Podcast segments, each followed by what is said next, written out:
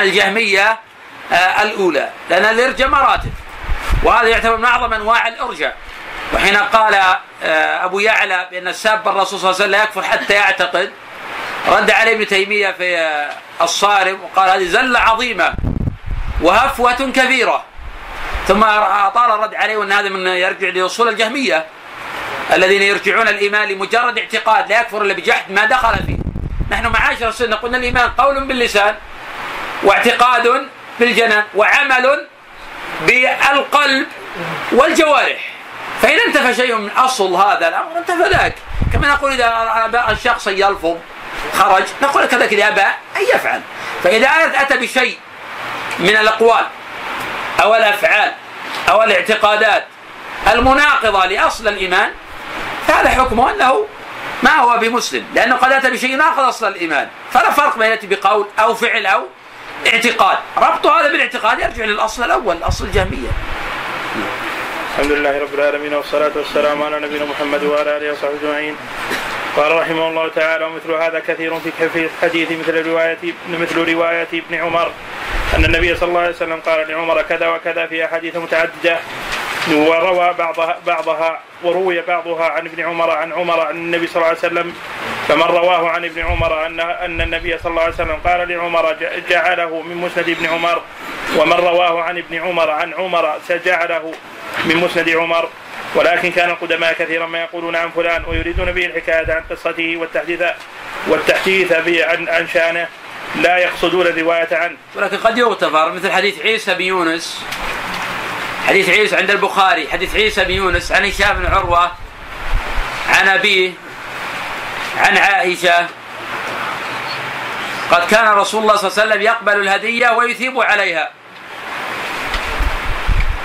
هذا الحديث عله أكثر الحفاظ. هذا الحديث عله أكثر الحفاظ.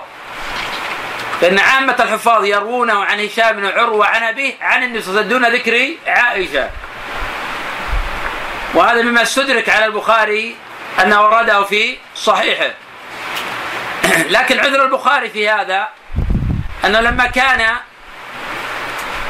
عروة متخصصا بمرويات عائشة كان هذا مما أخذه منها. لكن يرد على هذا أن عيسى بن يونس سلك الجادة والأئمة الحفاظ ما سلكوا الجادة ومن لم يسلك الجادة عند المحدثين يقدم على من سلك الجادة. لأن معروف الجادة هشام بن عروة عن أبي عن عائشة. لكن جاء شخص لا قال عروة عن النبي دون عائشة. هذا عنده زيادة علم وزيادة حفظ. فالأول سلك الجادة والآخر ما سلك الجادة. ومن لم يسلك الجادة أقوى ممن سلك الجادة. لكن تبقى القرينة الأخرى التي قيلت إن البخاري أورده في الصحيح وعذره في هذا أنه عادة عروة لا يروي عن النبي إنما يروي بواسطه عائشة فهذا من الأعذار عن البخاري في هذا الخبر. نعم. وقد حكى الدار قطني عن موسى بن هارون حافظ أن المتقدمين كانوا يفعلون ذلك وقد ذكرنا كلام كلامه في كتاب الحج في باب الصيد المحرم وأما إذا روى الزهري مثلا عن سعيد بن المسيب ابن المسيب ثم قال مرة عن سعيد بن المسيب قال فهذا محمول على الروايه عنه عنه دون الانقطاع ولعل هذا هو مراد مالك الذي حكاه أحمد عن عنه ولم يخالف. وقد حكى ابن عبد البر هذا القول عن عن جمهور العلماء وحكى عن البرديجي خلاف ذلك وأنه قال هو محمول عن الانقطاع إلا ان إلا يعلم اتصاله من من وجه آخر وقال لا وجه لذلك ولم يذكر لفظ البرديجي فلا ولم يذكر لفظ البرديجي فلعله قال ذلك في القسم الثاني كما سنذكره. وأما رواية عروة عن عن عائشة عن النبي صلى الله عليه وسلم وعروة وعروة أن النبي صلى الله عليه وسلم وعروة أن النبي أن عائشة قالت كل النبي يعني وجه الخلاف هنا؟ لقال عروة عن عائشة عن النساء هذا لا إشكال فيه. مع اتصال. لكن لقال عروة مثلا بأن النبي صلى الله عليه وسلم قال لعائشة. هل يعني هذا أنه مما أخذه عروة عن عائشة أو أن هذا يعني إرساله؟ هذا الذي تحدث عنه الحافظ ابن رجب رحمه تعالى هنا. لأن عروة ما قال حدثتني عائشة إنما يحكي حكاية يحكي حكاية بين النبي وقعت وبين عائشة. وعادة عروة يأخذ هذا عن عائشة لكن في هذه الحالة ما قال حدثتني عائشة إنما يحكي حكاية ما حضرها. نعم. إذا كان شيخ من المكثرين والله نعم من القرائن من القرائن هي ليست قضية قضية إكثار مكثر أو غير مكثر قضية قرينة ما دام أنه تخصص. فعادة يكون قد أخذه ممن رواه عنه. لكن رواية عن أحمد رحمه الله يقول لا هذا يعتبر منقطعا. لأنه ما أدرك الحادثة. نعم. وعروة أن أن عائشة قالت النبي صلى الله عليه وسلم فهذا هو القسم الثاني الثاني وهو الذي أنكر أحمد التسوية بينهما. والحفاظ كثيرا ما يذكرون مثل هذا ويعدونه اختلافا في إرسال الحديث واتصاله. وهو موجود كثيرا في كلمه في كلام أحمد وابي أحمد وأبي زرعة وأبي حاتم. حاتم والدار قطني وغيرهم من الأئمة. ومن الناس من يقول ها هما سواء كما ذكر كما ذكر ذلك لأحمد. وهذا إنما يكون في من اشتهر برواية عن المحكيم قصته. نعم كعروة عن عائشة. كعروة عن عائشة وكمحمد بن سيرين عن أبي هريرة كعلقمة عن ابن مسعود كعبيد السلماني عن علي وكقيس بن عباد عن أبي سعيد الخدري كأبي إدريس الخولاني عن حذيفة. فهؤلاء لهم تخصص بأصحابهم فمثل هؤلاء قد يقال له حكم الاتصال وليس له حكم الإرسال لأنه عادة يكون قد أخذه من شيخه. نعم. أما من لم يعرف له السماع سماع منه فلا ينبغي يحمل على الاتصال. ولا عند ولا عند من يكتفي بإمكان اللقي. والبخاري قد يخرج من هذا القسم في صحيحه كحديث عكرمة أن عائشة رضي الله عنها قالت للنبي صلى الله عليه وسلم في قصة امرأة في قصة امرأة في رفاعة وقد ذكرناه في كتاب النكاح. كذلك خرج في صحيح البخاري حديث من بدل دينه فاقتلوه. أيوب عن عكرمة قال جيء بعلي جيء إلى علي بقوم من الزنادقة فحرقهم بالنار. فقال ابن عباس لو كنت أنا لما حرقتم ولا قتلتم لقول صلى الله عليه وسلم من بدل دينه فاقتلوا عكرمة ما أدرك علي رضي الله عنه. ولا ذاك هذه الحادثة أصلا. فهو في هذه الحالة يقول جيء إلى علي. فهو يقينا مما أخذه عن ابن عباس لأنه حدث عنه بحديث من بدل دينه فاقتلوا وذلك خرج البخاري في الصحيح ولم تنع من ذلك فهذا مما يعني دلت قرينة على أن المقصود آه، التلقي وأنه لم يقل يرسل آه، عكرمة هذه القصة وإنما أخذها عن ابن عباس. نعم. وهذا على تقدير أن يكون عكرمته عكرمة قد سمع من عائشة وقد ذكر الإسماعيلي في في صحيحه أن المتقدمين كانوا لا يفرقون بين هاتين العبارتين وكذلك ذكر أحمد أيضا إنهم كانوا يتساهلون في ذلك مع قوله إنهما ليسا سواء وإن حكمهما مختلف. لكن كان يقع ذلك منهم أحيانا على وجه التسامح وعدم التحرير. قال قال قال أحمد في رواية الأثرم في حديث سفيان عن أبي النضر عن سليمان بن يسار عن عبد الله بن حذافة في النهي عن صيام أيام التشريق ومالك قال فيه عن سليمان بن يسار عن النبي صلى الله عليه وسلم أن النبي صلى الله عليه وسلم بعث عبد الله بن حذافة قال أحمد هو مرسل سليمان بن يسار لم يدرك عبد الله بن حذافة. قال وهم كانوا يتساهلون بين عن عبد الله بن حذافة وبين أن النبي صلى الله عليه وسلم بعث عبد الله بن حذافة. قيل له وحديث أبي رافع. لكن إذا كان ما سمع منه هذا يكون علة واضحه هذا لا إشكال فيه. لكن الكلام إذا سمع منه. ولذلك قال ابن رجب قبل قليل إذا علم أن له تخصصا فيه هذا يحمل على الاتصال والسماع وهذا واضح. أما من لم يعلم سماعه منه فلا يمكن قبوله لأن أصلا هو منقطع حتى لو حكاه عنه. فضلا إذا حكى القصة عمن فوقه. نعم. على وجه التسامح عدم التحرير عدم المسألة؟ لا لا مو تحرير المسألة المسألة محررة عندهم مفروغ منها. اشترط يتساهلون في مثل هذه الجوانب. وليس كلهم تقدم عندنا أن الإمام أحمد وجماعه من العلماء ما شددوا في هذا الموضوع. وكان البخاري رحمة الله تعالى يروي هذا في الصحيح لكن البخاري لم يخرج الصحيح إلا شيء يعلم آه، سماع التابع من آه، الذي يروي القصة. وإن لم يصرح يحكي حكاية بأن القصة وقعت له.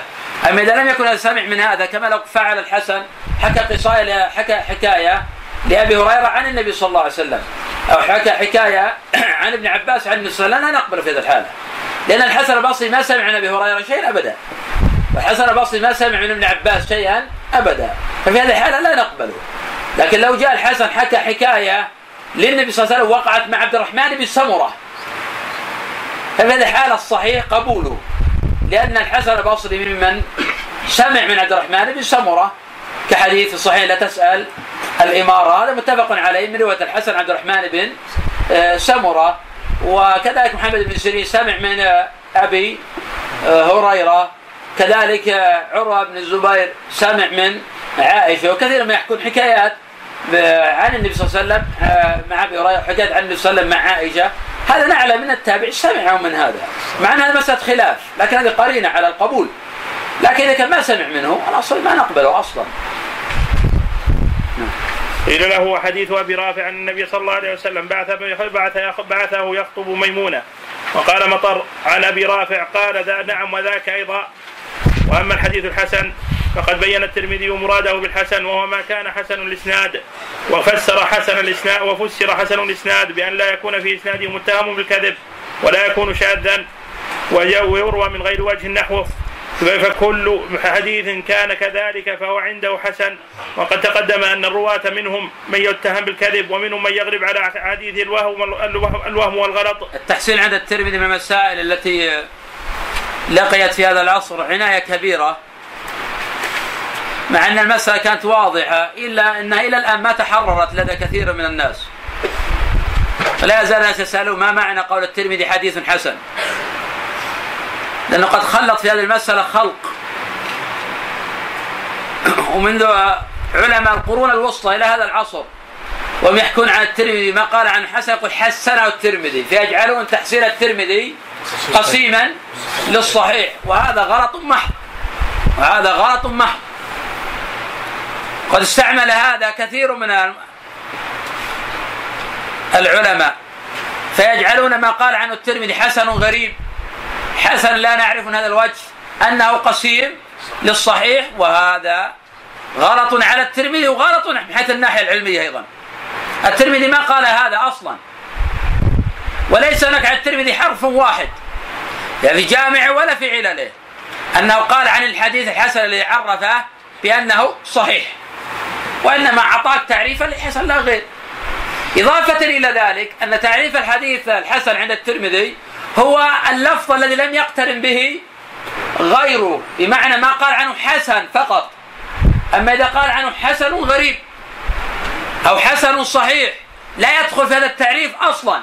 والدليل على هذا أنه عرف الحسن يقول جاء من غير وجه. وهو يقول عن حديث عمر إنما أعمال هذا حديث حسن صح لا نعرفه إلا من هذا الوجه. إذا كيف نستقيم هذا مع هذا؟ ثم يتكلف بعض الناس الجمع. كما صنع ابن حجر في النخبة وفي النزهة وفي غير ذلك. ما في تكلف. بس منهج الترمذي واضح. ولخصه بعدة نقاط. الأمر الأول أن الترمذي عرف الحديث الحسن المجرد. أن الترمذي عرف الحديث الحسن المجرد. الذي لم يختلط به لفظ آخر. ولا يدخل في تعريف حسن غريب ولا حسن صحيح. الأمر الثاني وهو الأهم. أن الترمذي عرف الحديث الحسن ولم يبين حكمه. الأمر الثالث أن الحسن عند الترمذي قد يكون صحيحا وقد يكون ضعيفا. ومن قال عن حديث حسنه الترمذي روى الترمذي وحسنه تنزيلا للصلاح المتأخرين على معنى قول الترمذي فقد غلط غلطا كبيرا وقال على الترمذي ما لم يقله. فإن الترمذي لم يصحح هذا الخبر. اصطلاح الحسن على المعنى الذي هو قسيم للصحيح لم يكن معروفا عن السلف أبدا. اصطلاح الاصطلاح على لفظ الحسن على الذي هو قسيم للصحيح لم يكن معروفا عن السلف ابدا. إنما الاصطلاح متأخر. كان الاوائل يستعملون لفظ الحسن. لكن لا ما كانوا يستعملون على المصطلح عليه عند المتأخرين. تارة يقصدون به الحسن اللغوي. فعلى هذا كل حديث يقول عنه الترمذي صحيح فهذا صحيح عنده. وكل حديث يقول عنه الترمذي هذا حديث حسن غريب. أو هذا حديث حسن. فهذا ينظر فيه ولا نحكي على الترمذي بأنه صححه لأن يقول حسنه بناء أنه صححه على الصلاح المتأخرين بأن الحسن قسيم للصحيح. نعم. وقد وقد تقدم أن الرواة منهم من يتهم بالكذب. بارك الله فيكم. نجد أن الترمذي بعض الأحيان يحكم على إسناد بأنه حسن صحيح. بنفس الإسناد ولا يختلف رجل من الرجال يقول حسن. ما يفسر هذا. لما هذا ما في إشكال. كنت شرحت حتى الحقيقة درس الفجر اليوم للإخوان هذه المسألة. إن تحسين العلماء الأوائل تصحيح العلماء الأوائل للحديث أو توثيق العلماء للراوي في موضع لا يعني توثيقه في موضع آخر. وضربت أمثلة كثيرة لذلك خاصة في مرويات عبد الله بن محمد بن عقيل في مرويات عاصم بن أبي النجود مرويات فليح بن سليمان مرويات أبي معاوية محمد بن خازم الضرير عن غير الأعمش. مرويات أبي بكر بن آه، عياش. مرويات شريك عندما يحسنه. شريك القاضي النقع الكوفي أو شريك بن عبد الله ابن أبي نمر. مرويات خادم بن مخلد القوطواني. مرويات إسماعيل بن أبي أويس. فهذه الروايات مختلف فيها وفيها كلام للعلماء. فلا يعني أننا اذا نصحح حديثا في موضع نقبله في موضع آخر. فالترمذي رحمه قد يقبل الحديث في موضع ويرد نفس الإسناد في موضع آخر. مثاله ابن عقيل إذا قلنا صدوق سيء الحفظ قبلناه في موضع لم يتفرد فيه ومشينا حديثه كما مشينا حديث السفيانين عن عاصم بن ابن نجود عن زر عن عبد الله بن مسعود أن النبي صلى الله عليه وسلم قال لا تذهب الليالي والأيام حتى يملك العرب رجل من أهل بيتي لا يعني نقبل في هذا الموضوع نقبل في موضوع آخر. مثال عند أحمد بن عقيل عن ابن الحنفية عن علي. قال كفر صلى الله عليه وسلم في سبعة أثواب. هل نقبل هذا الحديث؟ هذا حديث ضعيف منكر. وسبب نكارته تفرد ابن عقيل. هل يأتي شخص يفهم من كلامي ضعفت ابن عقيل هذا موضع وضعفه في الموضوع الآخر؟ لا. وإذا قبلت ابن عقيل عن ابن حنفي عن علي عند الترمذي وصحح أن النبي صلى الله عليه وسلم قال مفتاح الصلاة طهور وتحريم تحريم التسليم. هل يعني هذا يجي شخص يفهم عني انه يصح ابن عقيل مطلقا؟ أنا قبلت في هذا الموضوع لأسباب. ورددت في الموضوع الآخر لأسباب. فلا يعني إذا قال الترمذي حسن حسن صحيح في هذا الموضع وموضع آخر قال عنه حسن. يعني هذا أن نحمل لفظ الحسن على الأول. هذا الأمر الأول. الأمر الثاني وهو مهم. أن عامة ما ذكرت وتفضلت بذكر الترمذي يقول في موضع حسن صحيح في نفس اللسان يقول حسن. هذا الاختلاف النسخ. هذا راجع لاختلاف النسخ. كثير ما يقول عنه الترمذي حسن صحيح في نسخ بعض العلماء تبحث عن النسخ الصحيحة ما في صحيح. بعض الأحيان يكون العكس. يقول حسن في بعض النسخ يقول حسن آه، صحيح. هذا راجع لاختلاف آه، النسخ. وإذا اتفق المتن يا شيخ صار المتن نفسه لكن اختلف اختلاف يسير. إذا اختلف الترمذي ما يقول عنه صحيح عادة. المتن نفسه ولو كان المتن نفسه تعرف أن العلماء لهم آه، تعليلات دقيقة. يعني قد يكون نفس الإسناد في موضوع آخر من الصحيح الاختلاف فيه. الاختلاف فيه. كما مثلا حديث يحيى بن سعيد الأنصاري قال اخبر محمد بن إبراهيم التيمي عن علقمة وقاص الليثي عن عمر أن النبي صلى الله عليه وسلم قال الاعمال بالنيات. هذا حديث متفق عليه. ومع قول الإمام أحمد في آه، محمد بن إبراهيم التيمي أحاديثه مناكير يعني مفاريد بمعنى لو وجدنا محمد إبراهيم التيمي تفرد في حديث آه، يغلب على الظن خطا وذا ممكن نضعفه ولا ينسحب هذا على تضعيف هذا الحديث. وقد تقدم أن الرواة منهم من يتهم بالكذب ومنهم من يغلب على حديثه الوهم والغلط ومنهم الثقة الذي يقل غلطه ومنهم الثقة الذي يكثر غلطه. فعلى ما ذكره الترمذي كل ما كان في إسناده متهم فليس بحسن. وما عداه فهو حسن بشرط أن لا يكون لا يكون شاذا والظاهر أنه أراد بالشاذ ما قال ما قاله الشافعي وهو أن يروي الثقات عن النبي صلى الله عليه وسلم خلافه. لأن الشاذ يكون وجوده كعدمه.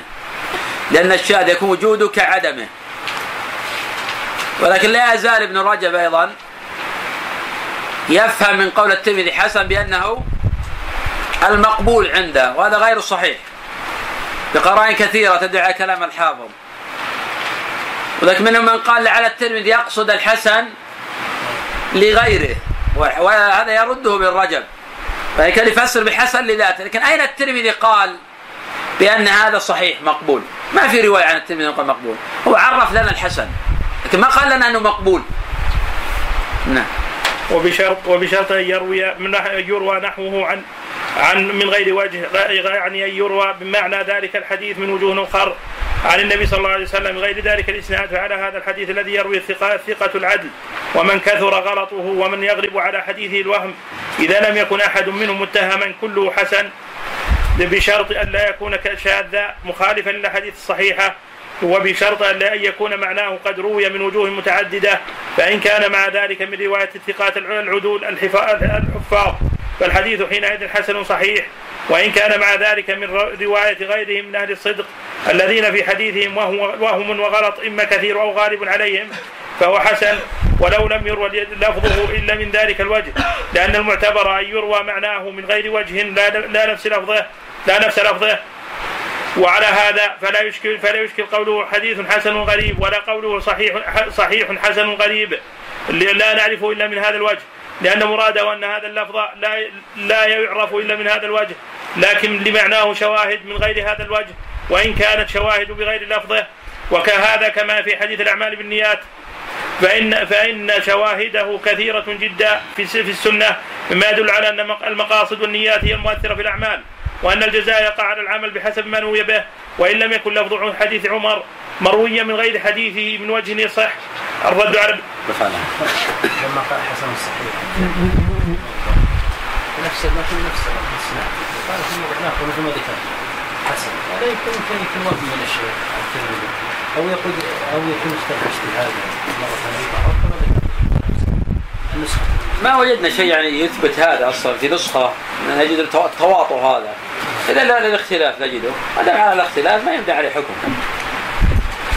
ما هو شيء مثال واضح حتى نستطيع أن نتكي عليه هذا الموضوع. نعم؟ أقول لعله موجود ما هو؟ لعل لا ولا يقال بالتردد شيخ نعم؟ لا يقال أنه تردد فيه ثم جزم أبو يحيى لا لا ما في شيء ما يستطيع حديث يثبت هذا أصلا. يعني أصلا ما يكرر الترمذي أصلا الحديث. كيف يكرره؟ ما كرر أصلا في موضوع آخر. ما الحديث كررها الترمذي أصلا. في هذا موضوع في موضوع آخر. إلا للاختلاف والتغاير. الطريق لا يشترط نعم. حتى ولو كان لا المتن قد الترمذي يبني على تغاير بين هذا وهذا. إحنا نتكلم على إذا كان الترمذي أورد الحديث حديث عمر بن عمر بن الحسن الصحيح في موضوع آخر أورد نفس الحديث بنفس الإسناد. قال حسن هذا ما له نظائر أصلا. ولا يوجد أصلا.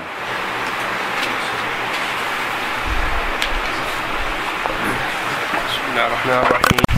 سماع على معازف الاغاني هذا حرام ولا يجوز. خلافا لأبي محمد بن حزم وقد أنكر عليه العلماء ذلك.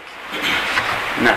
بسم الله الرحمن الرحيم. الحمد لله رب العالمين والصلاة والسلام على نبينا محمد وعلى آله وصحبه أجمعين. قال رحمه الله تعالى وبمعنى هذا الذي ذكرناه فسر ابن الصلاح كلام الترمذي في معنى الحسن غير أنه زاد أن لا يكون من رواية مغفل كثير الخطأ كثير كثير الخطأ وهذا لا يدل عليه كلام الترمذي لأنه إنما اعتبر أن لا يكون لراويه متهما فقط لكن قد يؤخذ مما يذكره الترمذي قبل هذا أن من كان مغفلا كثير الخطأ لا يحتج بحديثه ولا يشتغل بالرواية عنه عند عند الأكثرين. وقول الترمذي رحمه الله تعالى يعني هذا المغفل إذا غلب عليه التغفيل وهذا بمنزلة المختلط الذي لم يتميز حديثه. فإن هؤلاء لا يحتج بشيء من رواياتهم. كالليث بن أبي سليم قد اختلط. ولم يتميز حديثه. فهذا يكون ضعيفا.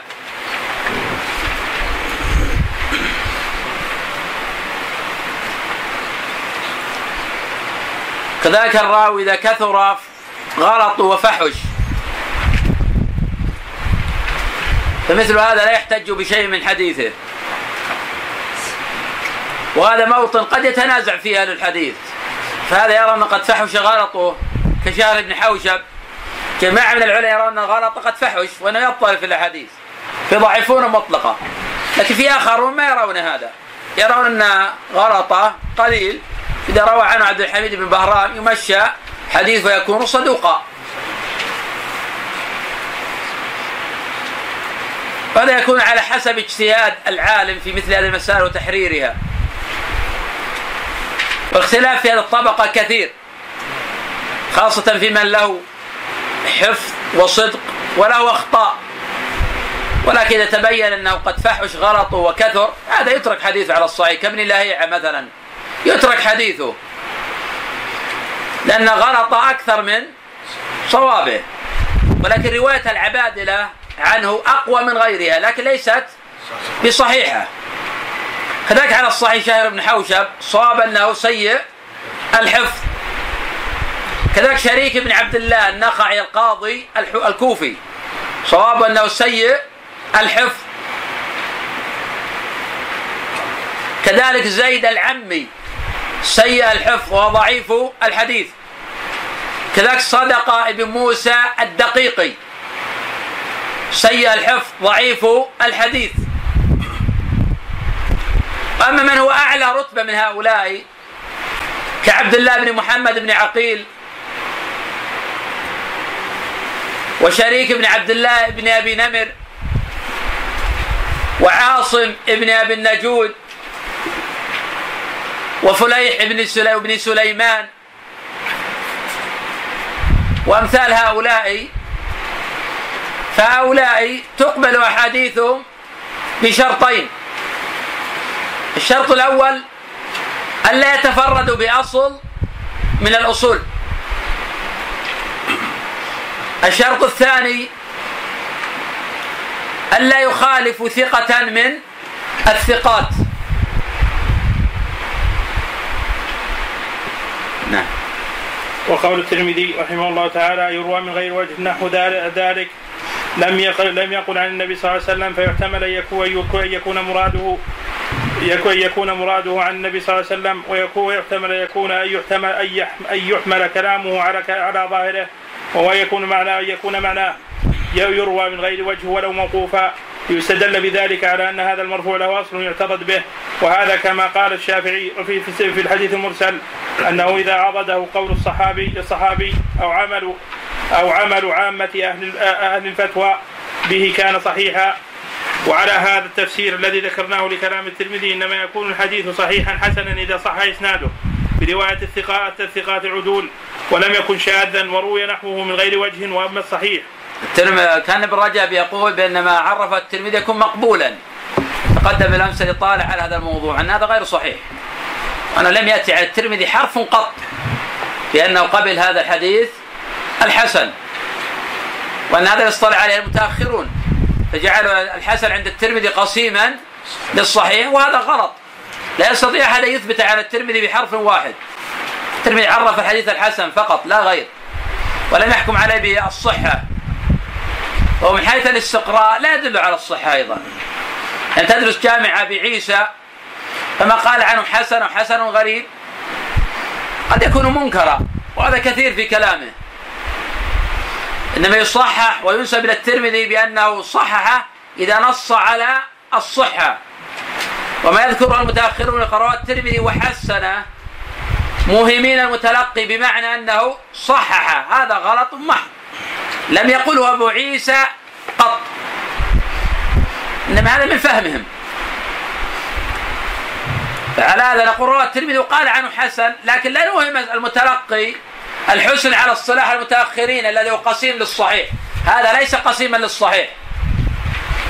وعامة في الغالب تستطيع أن تقول في الغالب ما قال عنه الترمذي حسن غريب ضعيف.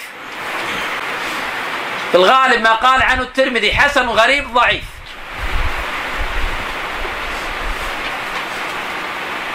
وما قال عنه حسن لفظ مجرد ما ربط بلفظ آخر. هو الذي عرفه الترمذي بأن ما جاء من غير وجه ولم يكن في إسناد كذاب ولا متهم ولا ولم يكن شاذا. هذا هو الذي عرفه الترمذي. وهذا أيضا ما قال عنه الترمذي بأنه صحيح. وهذا قد يكون قويا وقد يكون ضعيفا أيضا. لكن نستفيد من قول أبي عيسى أنه قد روي من غير وجه.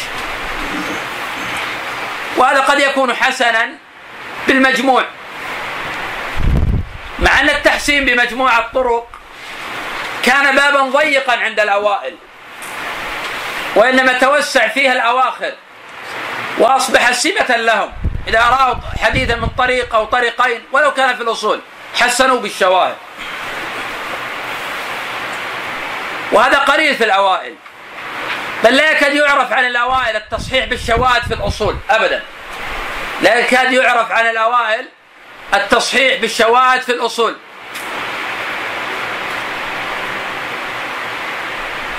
ولكن من الشروط التحسين بالشواهد ألا يكون في الأصول.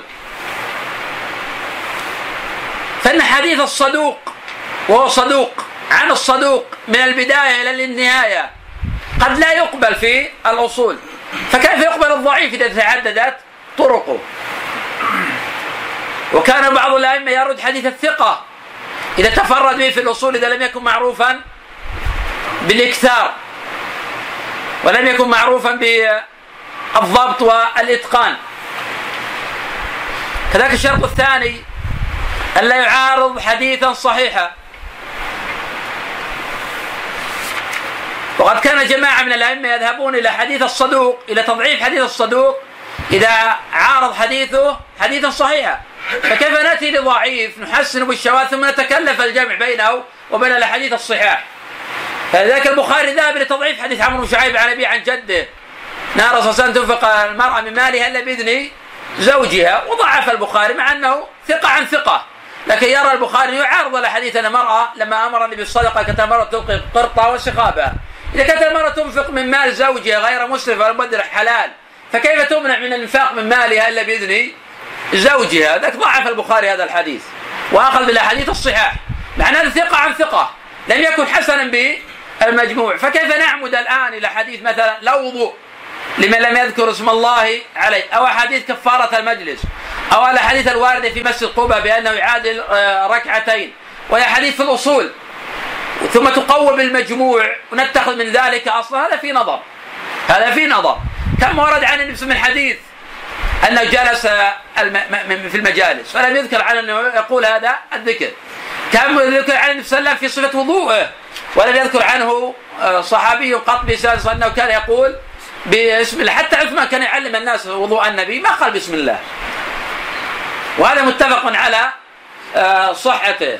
كذلك النبي كان يزور آه، مسجد قباء كل سبت راكبا وماشيا ولا ذكر عنه إنه قال صلاة في مسجد قباء تعدل ركعتين، نعم هذا جاء من حديث أبي أمامة بن سالم بن حنين، جاء من حديث أبي الأبرد عن أسيد بن حضير، جاء من حديث ابن عمر، ولكن هذه الاسانيد قوي غير قوية، تقويتها بمجموع في نظر، لأنك تريد أن تثبت أصلا، فلا يمكن أن نثبت الأصل بمجموع الطرق ولو كثرت.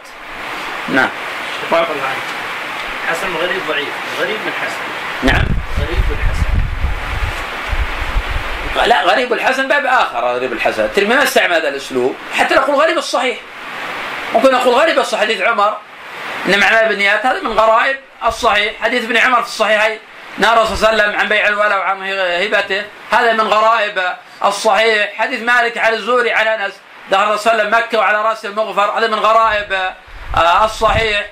حديث آه، أبي زرعة آه، بن عمرو بن جرير على أبي هريرة أن صلى الله عليه وسلم قال كلمتان خفيفتان عن هذا من غرائب الصحيح وهي الصحاح هذه وهي غرائب. وأما الصحيح المجرد فلا ما طهر لا يجوز شيء. نعم. حديث ما طهر لا يجوز إيه، نعم. في الاصول نعم. لا هذا اللي يعرضها الإجماع يعني مش متلقى بالإجماع.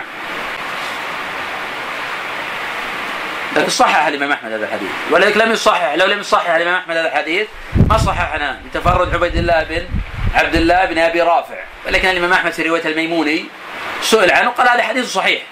لكن الاختلاف فقط في تصحيح الإمام أحمد هل هو لتصحيح حديث سال أم لتصحيح حديث أبي سعيد؟ ولكن الإمام أحمد صحح الحديث بعينه في رواية الميموني.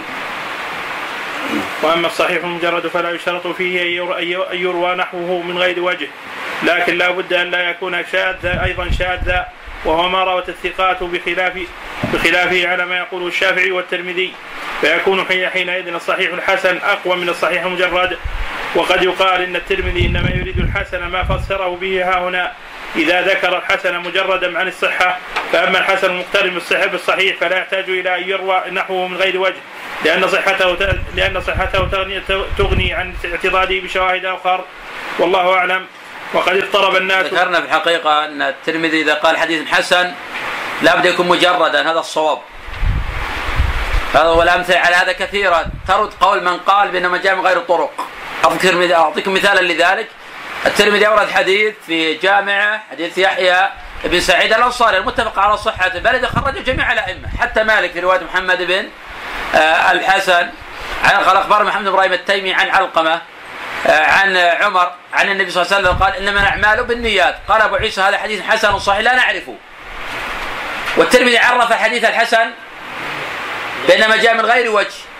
اذا في تناقض على قول الحافظ هنا عن جماعة من العلماء. اذا قص الترمذي في حديث حج جاء من غير وجه إذا أفرد.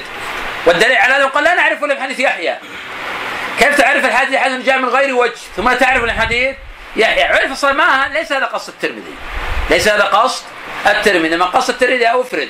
كذلك حديث كثيرة في جامعة يقول هذا حديث حسن غريب لا نعرفه إلا من هذا آه الوجه.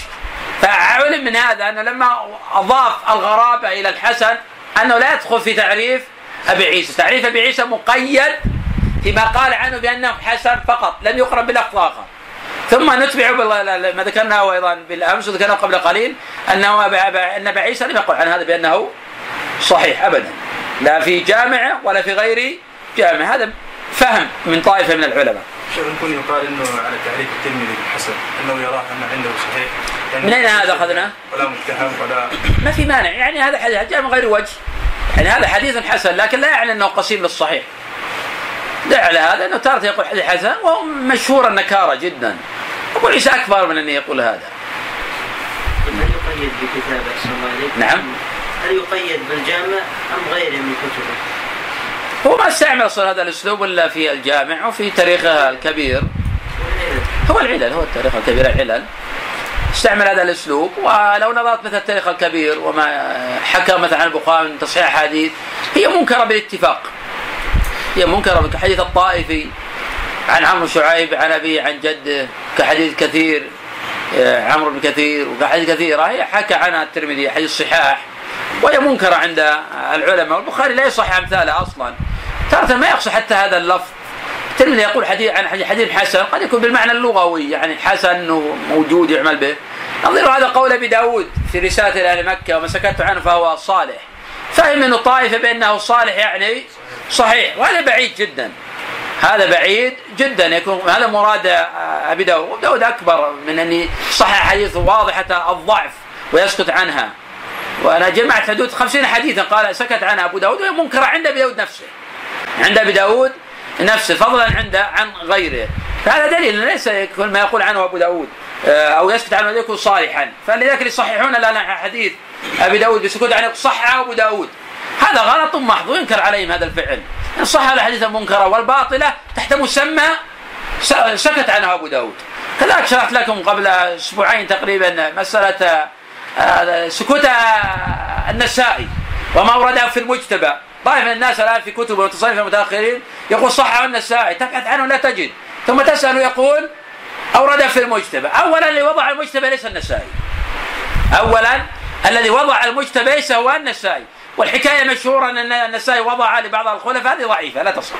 والصواب أن الذي وضع المجتبى هو ابن السني كما نصره الحافظ الذهبي رحمه الله تعالى في سير أعلام النبلاء في ترجمة الإمام أبي عبد الرحمن آه، النسائي. ثانيا أحاديث كثيرة يسكت عنها النسائي ومنكرة بل في أحاديث موجودة في المجتبى معللة في السنن الكبرى. ماذا يعني هذا؟ هذا واضح أن هذا ليس من صنيع النسائي رحمه الله تعالى. نعم. حديث حسن.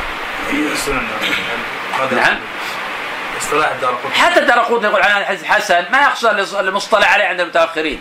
إشكالية أن بعض الناس يفرض اصطلاح المتاخرين على المتقدمين. الترمذي الدار قطني يقول حسن في آه، سننه ويقول في مواضع كثير وهي باطلة بالاتفاق. حتى ما يصحح آه، الدار قطني في آه، سننه يحتاج إلى تأمل. ليس اطلاقا يقصد الصحة الاصطلاحية. في احد يصححها ما يمكن تصحيحها ابدا. ودار قطني إمام كبير جدا في مثل هذه المسائل. لا يمكن أن نقول عنها لا كتاب مؤلف للغرائب ما مؤلف للصحاح يعني أصح شيء في هذا الباب صحيح. نحن أصح شيء في هذا الباب ممكن. أما تصحيح بالمعنى الاصطلاحي هذا محل تأمل في كلام الدار رحمه الله تعالى. وقد اضطرب الناس في جمع الترمذي بين الحسن والصحيح لأن الحسن دون الصحيح فكيف يجتمع الحسن والصحة والصحة؟ وكذلك وكذلك جمعه بين الحسن والغريب فإن الحسن عنده ما تعددت مخارجه والغريب ما لم يروى إلا من وجه واحد. نعم وأيضا لا تنافي. قلنا أصلا ما قصد هذا الترمذي وإنما وهم عليه من وهم ثم بتكلف والجمع. كيف نجمع بين كذا كيف نجمع بين كذا؟ أيضا قال أبو عيسى حتى تجمع حتى تتكلف ما في كلافة. منهج الترمذي واضح جدا لمن تأمل. فعلى هذا لا تنافي بين جمع بين الحسن والغرابة لأن هذا لا يدخل في تعريفه ولا في اصطلاحه. نعم. فمنهم من قال إن مراده أن الحديث حسن لثقة رجاله وارتقى من من الحسن إلى درجة الصحة لأن رواته لأن رواته في في في في نهاية مراتب الثقة فحديثهم حسن صحيح بجمع بين صفات من من من يحسن حديث من يحسن حديثه وصفات من من من يصحح حديثه. وعلى هذا فكل صحيح حسن ولا عكس. ولهذا لا يكاد يفرد الصحة يفرد الصحة عن الحسن إلا إلا إلا نادرا. يفرد ولهذا لا يكاد يفرد الصحة عن عن الحسن إلا نادرا. وعلى هذا التفسير فالحسن ما تقاصر عن درجة الصحيح لكون رجاله لكون رجاله من رجاله. لكون رجاله لم يبلغ لم يبلغوا من الصدق والحفظ درجة رواة الصحيح. وهم الطبقة الثانية من الثقات الذين ذكرهم مسلم في مقدمة كتابه وقيل إنه خرج حديثهم في المتابعات. هذا على اصطلاح المتاخرين صحيح. أما على اصطلاح الترمذي والمتقدمين هذا غير صحيح. نعم. وهذا الحسن هو الذي أراده أبو داود في كتابه بقوله خرجت في كتابي الصحيح وما يشبهه وما يقاربه. وذكر ابن الصلاح أن تفسير الحسن بهذا بهذا المعنى هو قول الخطابي وليس وليس هو قول الترمذي. وذكر أن الحسن عنده أحدهما ما نوعان. أحدهما ما ذكره الترمذي وهو أن يكون راويه غير متهم ولا ولا مغفلا كثير الخطأ. ولا ولا صاحب فسق ويكون متن متن الحديث قد اعترض بشاهد آخر له فيخرج بذلك عن فيخرج بذلك عن أن يكون شاذا أو منكرا. والثاني وهو قول الخطابي أن يكون رواته من من من من المشهور من المشهورين بالصدق والأمانة غير أنهم لم يبلغوا درجة الرجال الصحيح لتقصيرهم عنه في الإتقان والحفظ. ولا يكون الحديث شاذ شاذا ولا منكرا ولا معللا. هذا. لو ارجع الحديث تقسيم الحديث إلى الصلاح السابق لكان أولى. يقال الحديث قسمان مقبول وغير مقبول. المقبول هو الصحيح بمراتبه وغير المقبول الضعيف بمراتبه كان هذا أفضل من تقسيم الحديث إلى الصحيح لذاته صحيح لغيره حسن لذاته حسن لغيره. ثم بعد ذلك تقسيم الضعيف إلى مراتب. الصحيح مراتب لا يختلف في ذلك العلماء. وليس بلازم نجعل أدنى مراتب الصحيح الحديث الحسن. والحديث الذي نصحح بالمجموع نقول عنه بأنه صحيح. ما نحتاج إلى لفظة حسن. لأن جميع ما حكي عن الأوائل من لفظ الحسن ليس هو المعنى الاصطلاحي. إنما هو المعنى اللغوي. ولا أعلم أحدا من المتقدمين استعمل الحسن بالمعنى الاصطلاحي. إنما هذا يستعمل الخطابي ومن جاء بعده. أما الأئمة الكبار كأحمد وأمثال هؤلاء ما يستعملوا الحسن بالمعنى الاصطلاحي. والدليل على أنا ما نقل عن واحد منهم أنه عرف الحديث الحسن. ونقل عن جماعة منهم أنهم يقول عن الحديث بأنه حسن يضعفونه. فهذا دليل أنه يقصد المعنى اللغوي ما يقصدون المعنى الاصطلاحي. وهذا كثير في كلام الأئمة الأوائل ومن درس آه، علل الترمذي الكبير رأى شيئا كثيرا من هذا وأقرب شيء أن تنظر مثلا باب صلاة العيدين في جامع أبي عيسى كيف ينقل عن البخاري تصحيح حديث وتحسينها وهي منكرة عند البخاري وعند غيره. كيف يقول البخاري هذا صح شيء في الباب وأحسنه وهو ضعيف بالاتفاق. وكيف ينقل عن البخاري تصحيح حديث الطائفي عن عمرو بن شعيب. والطائفي سيء الحفظ قد تفرد بأصل. ولهذا نظائر. لله رب العالمين والصلاة والسلام على نبينا محمد وعلى آله وصحبه أجمعين. قال رحمه الله تعالى وذكر أن الترمذي وذكر أن الترمذي إذا جمع بين الحسن والصحة فمراده أن أنه روي بإسنادين. أحدهما حسن والآخر صحيح. وهذا فيه نظر لأن لأنه يقول كثيرا حسن صحيح غريب. لا نعرفه إلا من هذا الوجه. وقد أجاب عن ذلك بعض أكابر المتأخرين بأنه قد يكون أصل الحديث قد يكون أصل الحديث غريبا. ثم تتعدد طرقه من من من بعض عن بعض رواته. أما يعني, يعني بمعنى أن الإسناد أن أول الإسناد قد يكون غريبا. وآخر الإسناد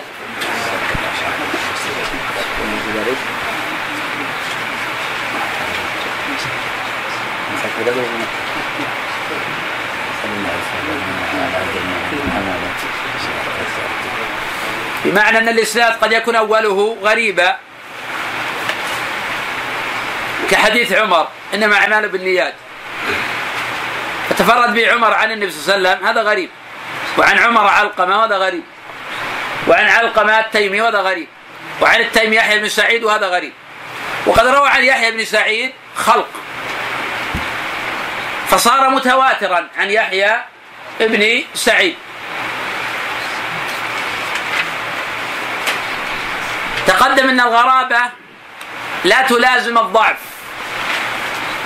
فقد يكون الحديث غريبا ويكون صحيحا. وقد يكون الحديث غريبا ويكون منكرا. لأن العلماء يستغربون الحديث لعدة معان. تارة يكون للتفرد وتارة يكون للمخالفة وتارة يكون للنكارة وتارة يكون للضعف.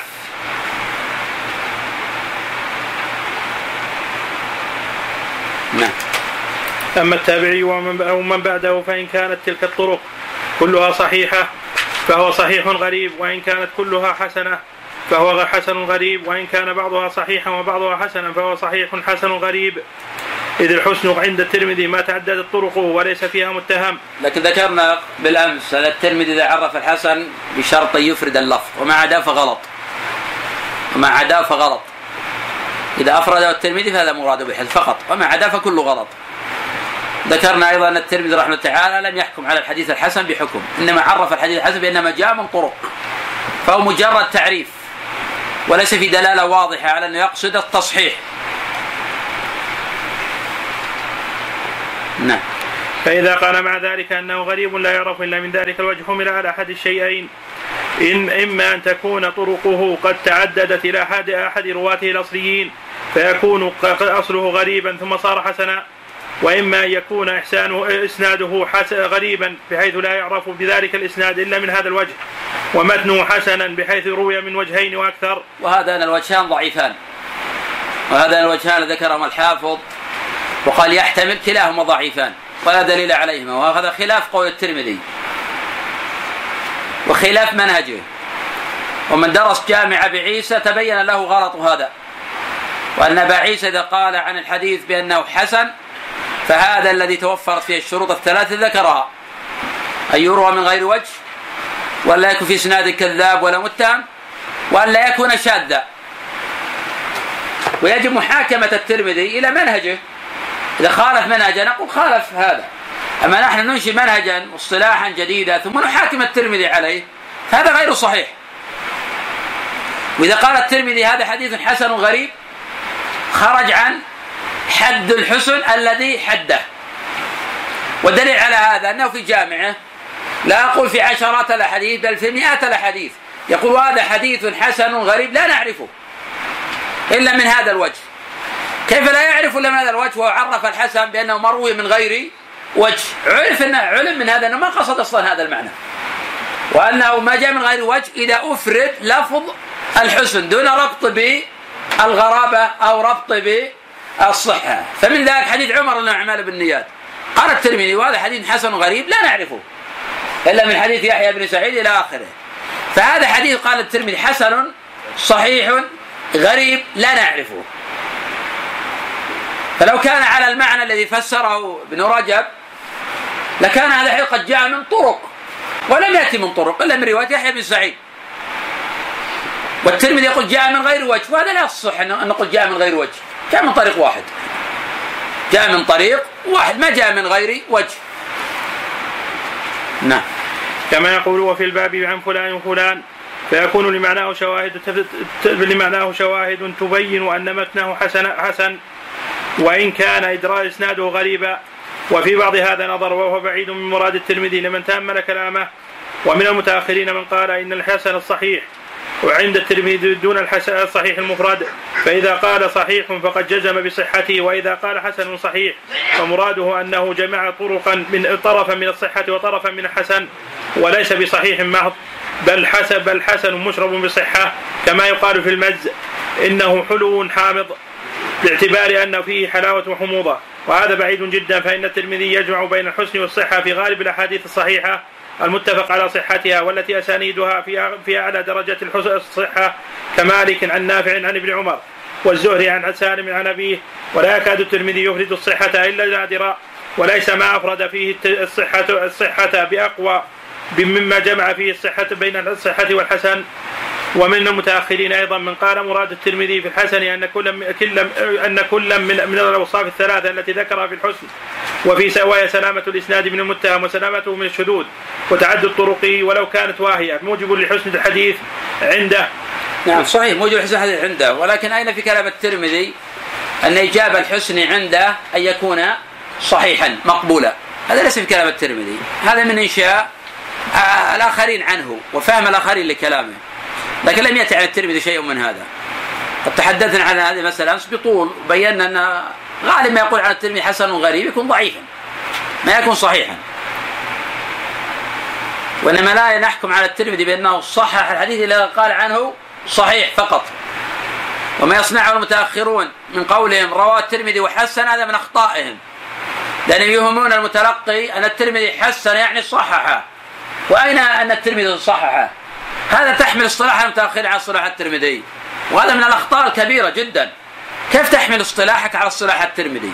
تنسب إلى الترمذي إنه صحح الحديث والترمذي ما صححه. نعم. وهذا بعيد جدا وكلام الترمذي وإنما يدل وهذا بعيد بعيد جدا وكلام الترمذي وإنما يدل على أنه لا يكون حسنا حتى يجتمع فيه الأوصاف الثلاثة وتسمية الحديث الواهي التي تعددت طرقه حسنا لا أعلمه وقع في كلام الترمذي بشيء من أحاديث كتبه واعلم أن الترمذي رحمه الله تعالى خرج في كتابه الحديث الصحيح والحديث الحسن وهو ما نزل عن درجة الصحيح وكان فيه بعض ضعف. وال... لكن قوله خرج الحديث الحسن إذا كان على اصطلاح متأخرين فهذا صحيح. أما إذا كان الترمذي جعل اصطلاحا في هذا لنفسه وجعل حسنا قسيما للصحيح فهذا غلط. لم يفعله أبو عيسى ولا فعله غيره من المتقدمين. جميع ما حكي عن المتقدمين من لفظ الحسن ليس هو اصطلاحيا. ليس هو اصطلاحيا.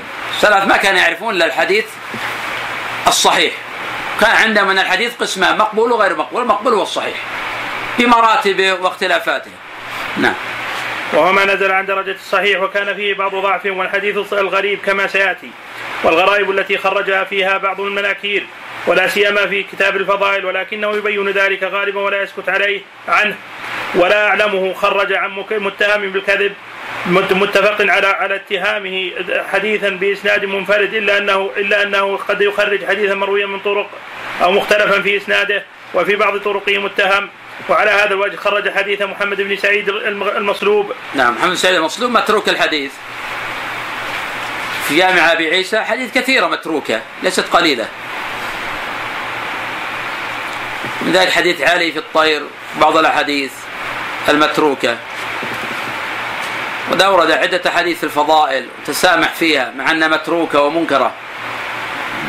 من ذلك حديث عمر بن هارون كان الرسول يأخذ من لحيته من طولها وعرضها هذا خبر منكر. مع أنه أشار إلى نكارة هذا. ونقل ذلك عن البخاري رحمه الله تعالى. نعم. ومحمد بن بن الكلبي نعم قد يخرج عن سيء الحفظ. يخرج.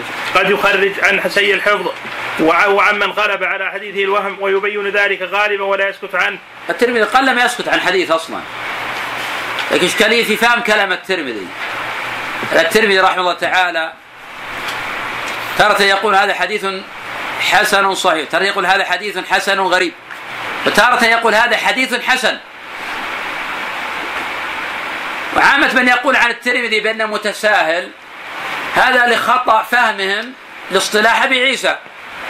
فهم يقول عن أبي عيسى بأنه متساهل لأنه حصل حديث أقوام ضعفاء ومتروكين وهم يفهمون من تحسين أبي عيسى أنه التصحيح. وهنا نشأ الغلط وهذا ما يدفع عن أبي عيسى رحمه الله تعالى. لم يكن أبو عيسى رحمه الله متساهلا. وكونه صحح بعض الأحاديث لبعض الضعفاء عند غيره هذا لا يعني أنه متساهل بدليل أنه أيضا ضعف أحاديث موجودة في البخاري كحديث ابن مسعود في الاستجمار في البخاري وضعف أبو عيسى. هل نقول في هذا الموضع بأنه متشدد؟ إذا أخطأ العالم في موضع أو في موضعين أو في ثلاثة لا ينسب عنه التساهل كما لا ينسب عنه أيضا إليه التشدد.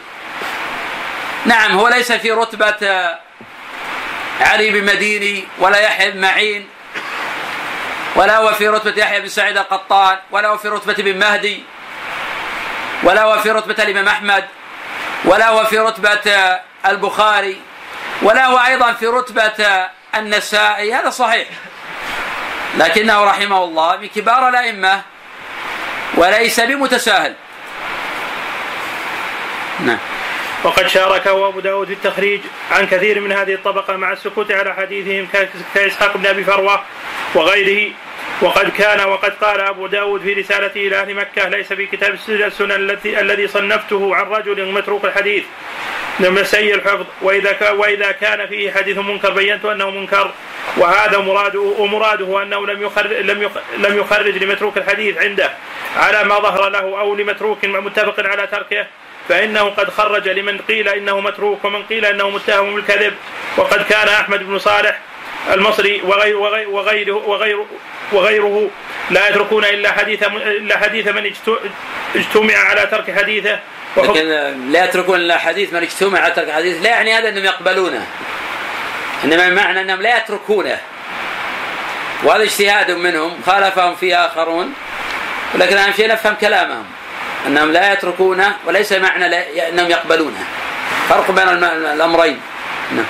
وحكي مثله عن النسائي والترمذي رحمه الله تعالى يخرج حديث حديث الثقة الثقة الضابط ومن يهم قليلا ومن يهم كثيرا ومن يغلب عليه الوهم. يخرج حديثه نادرا ويبين ذلك ولا يسكت عنه. وقد خرج حديث حديث كثير بن عبد الله المزني ولم يجزم ولم يجمع على ترك حديثه بل قواه قد قواه قوم قوم قد قد وقدم بعضهم حديثه على مرسل بن بن المسيب. لكن كثير بن عبد الله ضعيف الحديث في قول الأكثر.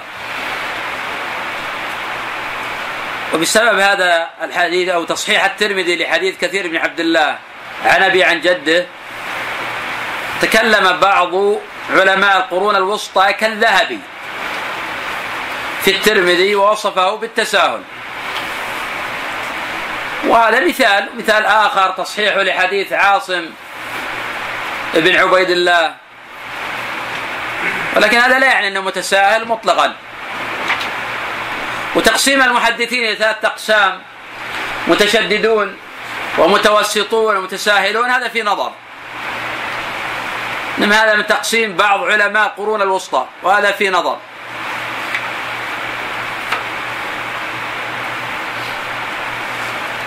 إنما العلماء رحمه الله تعالى كلهم متوسطون الذين هم أئمة هذا الشأن. وكون بعضهم يتشدد في رواة دون رواة لا يعني أنه متشدد لأن هذا محتاط وضابط. لأن بعضهم يجعل من هؤلاء يحيى بن سعيد قطان. ويجعل ابا حاتم من هؤلاء. حتى قال بعض المتأخرين بأنه متعنت في الجرح. وذلك لعدم قبوله لأبي الزبير وكلامه في جماعة من هؤلاء. وهذا ليس تعنتا. إنما هذا الذي ظهر له في هذا الراوي بدليل أيضا تسامح في آخرين. هل نقول عن ابن متساهل؟ نعم في طبقة من العلماء يتساهلون هذا واضح. ولا بحجم أبي عيسى ابدا كابن خزيمة وابن حبان والحاكم وامثال هؤلاء. وذاك الدار قطني في علله هو فوق رتبة هؤلاء بكثير جدا. ومن أهل الإتقان والضبط في العلل. لأن الكتاب قد ألف في هذا. فيختلف منهج الدار قطني في علله عن منهجه في سننه. لأن كتاب السنن ألف للغرائب ما ألف للتصحيح والتضعيف. حدثت معكم حقيقة قبل الأمس إنما يقول عنه الدار قطني الصحيح في سنن لا يعني الصحيح الاصطلاحي ينبغي التثبت من ذلك. وما يقول عنه حسن لا يعني الحسن الاصطلاحي. لأنه كتاب مؤلف في الغرائب. فقد يكون هذا المقصود وقد يكون المقصود أصح شيء في هذا الباب وأنه صح الغرائب. ليس أصح أو حديث صحيح بمعنى الحديث بالدليل أنه يقول حديث صحيح ومنكر هو نفسه يضاعف في مواضع أخرى فهذا يدلنا على قرينة واضحة أنه ما يقصد هذا. لأن الكتاب مؤلف في الغرائب. ومن هذا أيضا حديث مثلا آه، أم سلمة الذي رواه موسى بن أبي عقبة عن رجل مولى أم سلمة عن أم سلمة. في الذكر بعد صلاة الفجر. الدار في الغرائب ذكر أن هذا الحديث عن موسى عن عبد الله بن شداد.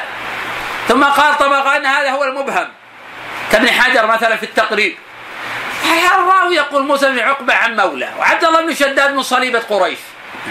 كيف تفسر المولى بالقرشي صليبة؟ الدرقطني ألف هذا الكتاب ليس لتلقي آه، الزيادات والأحكام ألف للغرائب يعني غريب. ومن الغرائب أنه منكر. ذكر عبد الله بن شداد أنه منكر. فيبقى حديث أم سلمة ضعيف الذي رواه ابن ماجه لا يصحح ابدا ولا يمكن تصحيحه أصلا. ولا يمكن تصحيحه ولا نجعلون من أحاديث الأذكار يصححونه بلان أن هذا المولى هو عبد الله بن شداد وهذا غلط. والرواية فيها أيضا عبد الله بن شداد غلط أيضا هي ضعيفة حتى اسنادها ضعيف. والمحفوظ هو ما رواه موسى بن عقبة عن مولى أم سلمة عن أم سلمة هذا هو المحفوظ. وهذا المولى مجهول مبهم. فيبقى الخبر ضعيفا تفسير المولى بقرشي هذا لا نظير له. نعم.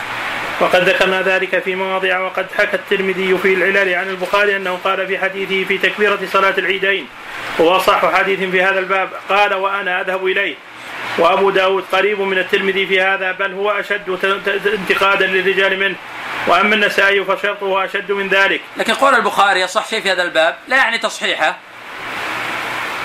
وهذا يؤكد لكم ذكرت بالأمس حديث الطائفي عن عمرو بن شعيب أن البخاري لما حكى عنه الترمذي تصحيحه ليس الاصطلاح المعروف عند المتاخرين بدليل إنه يقول صح شيء في هذا الباب حديث كثير. يعني يصح من حديث الطائف وهذا حديث كثير صحيح. نعم. وأما النسائي فشرطه أشد من من ذلك ولا يكاد يخرج لمن يغلب عليه الوهم. يخرج يخرج ولا يكاد يخرج لمن يغلب عليه الوهم. ولا ولا لمن فحش خطأه وكثر. وأما مسلم فلا يخرج إلا حديث الثقة الضابط ومن في حفظه بعض شيء وتكلم فيه حفظه لكنه يتحرى في التخريج عنه ولا ولا يخرج عنه إلا ما لا يقال إنه مما وهم فيه. وأما البخاري فشرطه أشد من ذلك وهو أنه لا يخرج إلا للثقه الضابط ولمن ندر وهمه وإن كان قد اعترض عليه في بعض من خرج عنه. ونذكر لذلك مثالا وهو أن أصحاب الزهري ونذكر لذلك مثالا. مسالمة اسمه مسالمة بس ردة الحديث اي هو معروف. حديث الاذكار اللهم امسك علما نافعا وضيب عملا متقبلا. بعد صلاة الفجر. طيب وجه آخر في وجه آخر. له وجه آخر. تصحيح وجه آخر غير الطريقة. لا لا ما له طريق آخر هذا الطريق كله معلول. له الطريق الآخر اللي صححوه هو طريق عبد الله بن شداد وبينا علته.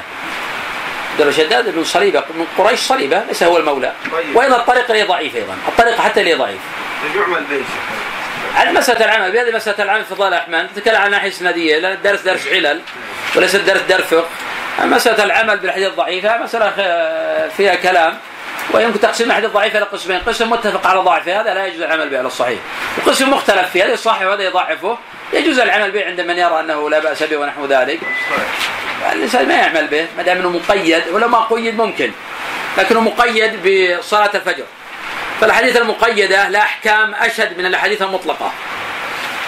الحمد لله وحده والصلاة والسلام على من لا نبي بعد قول نعم. رحمه الله تعالى. يا شيخ الحفظ من المطلوب الطبقات هي اللي مر عليها. ما مر علينا الطبقات إلى الآن ما وصل الطبقات. لا ما اخذ الطبقات.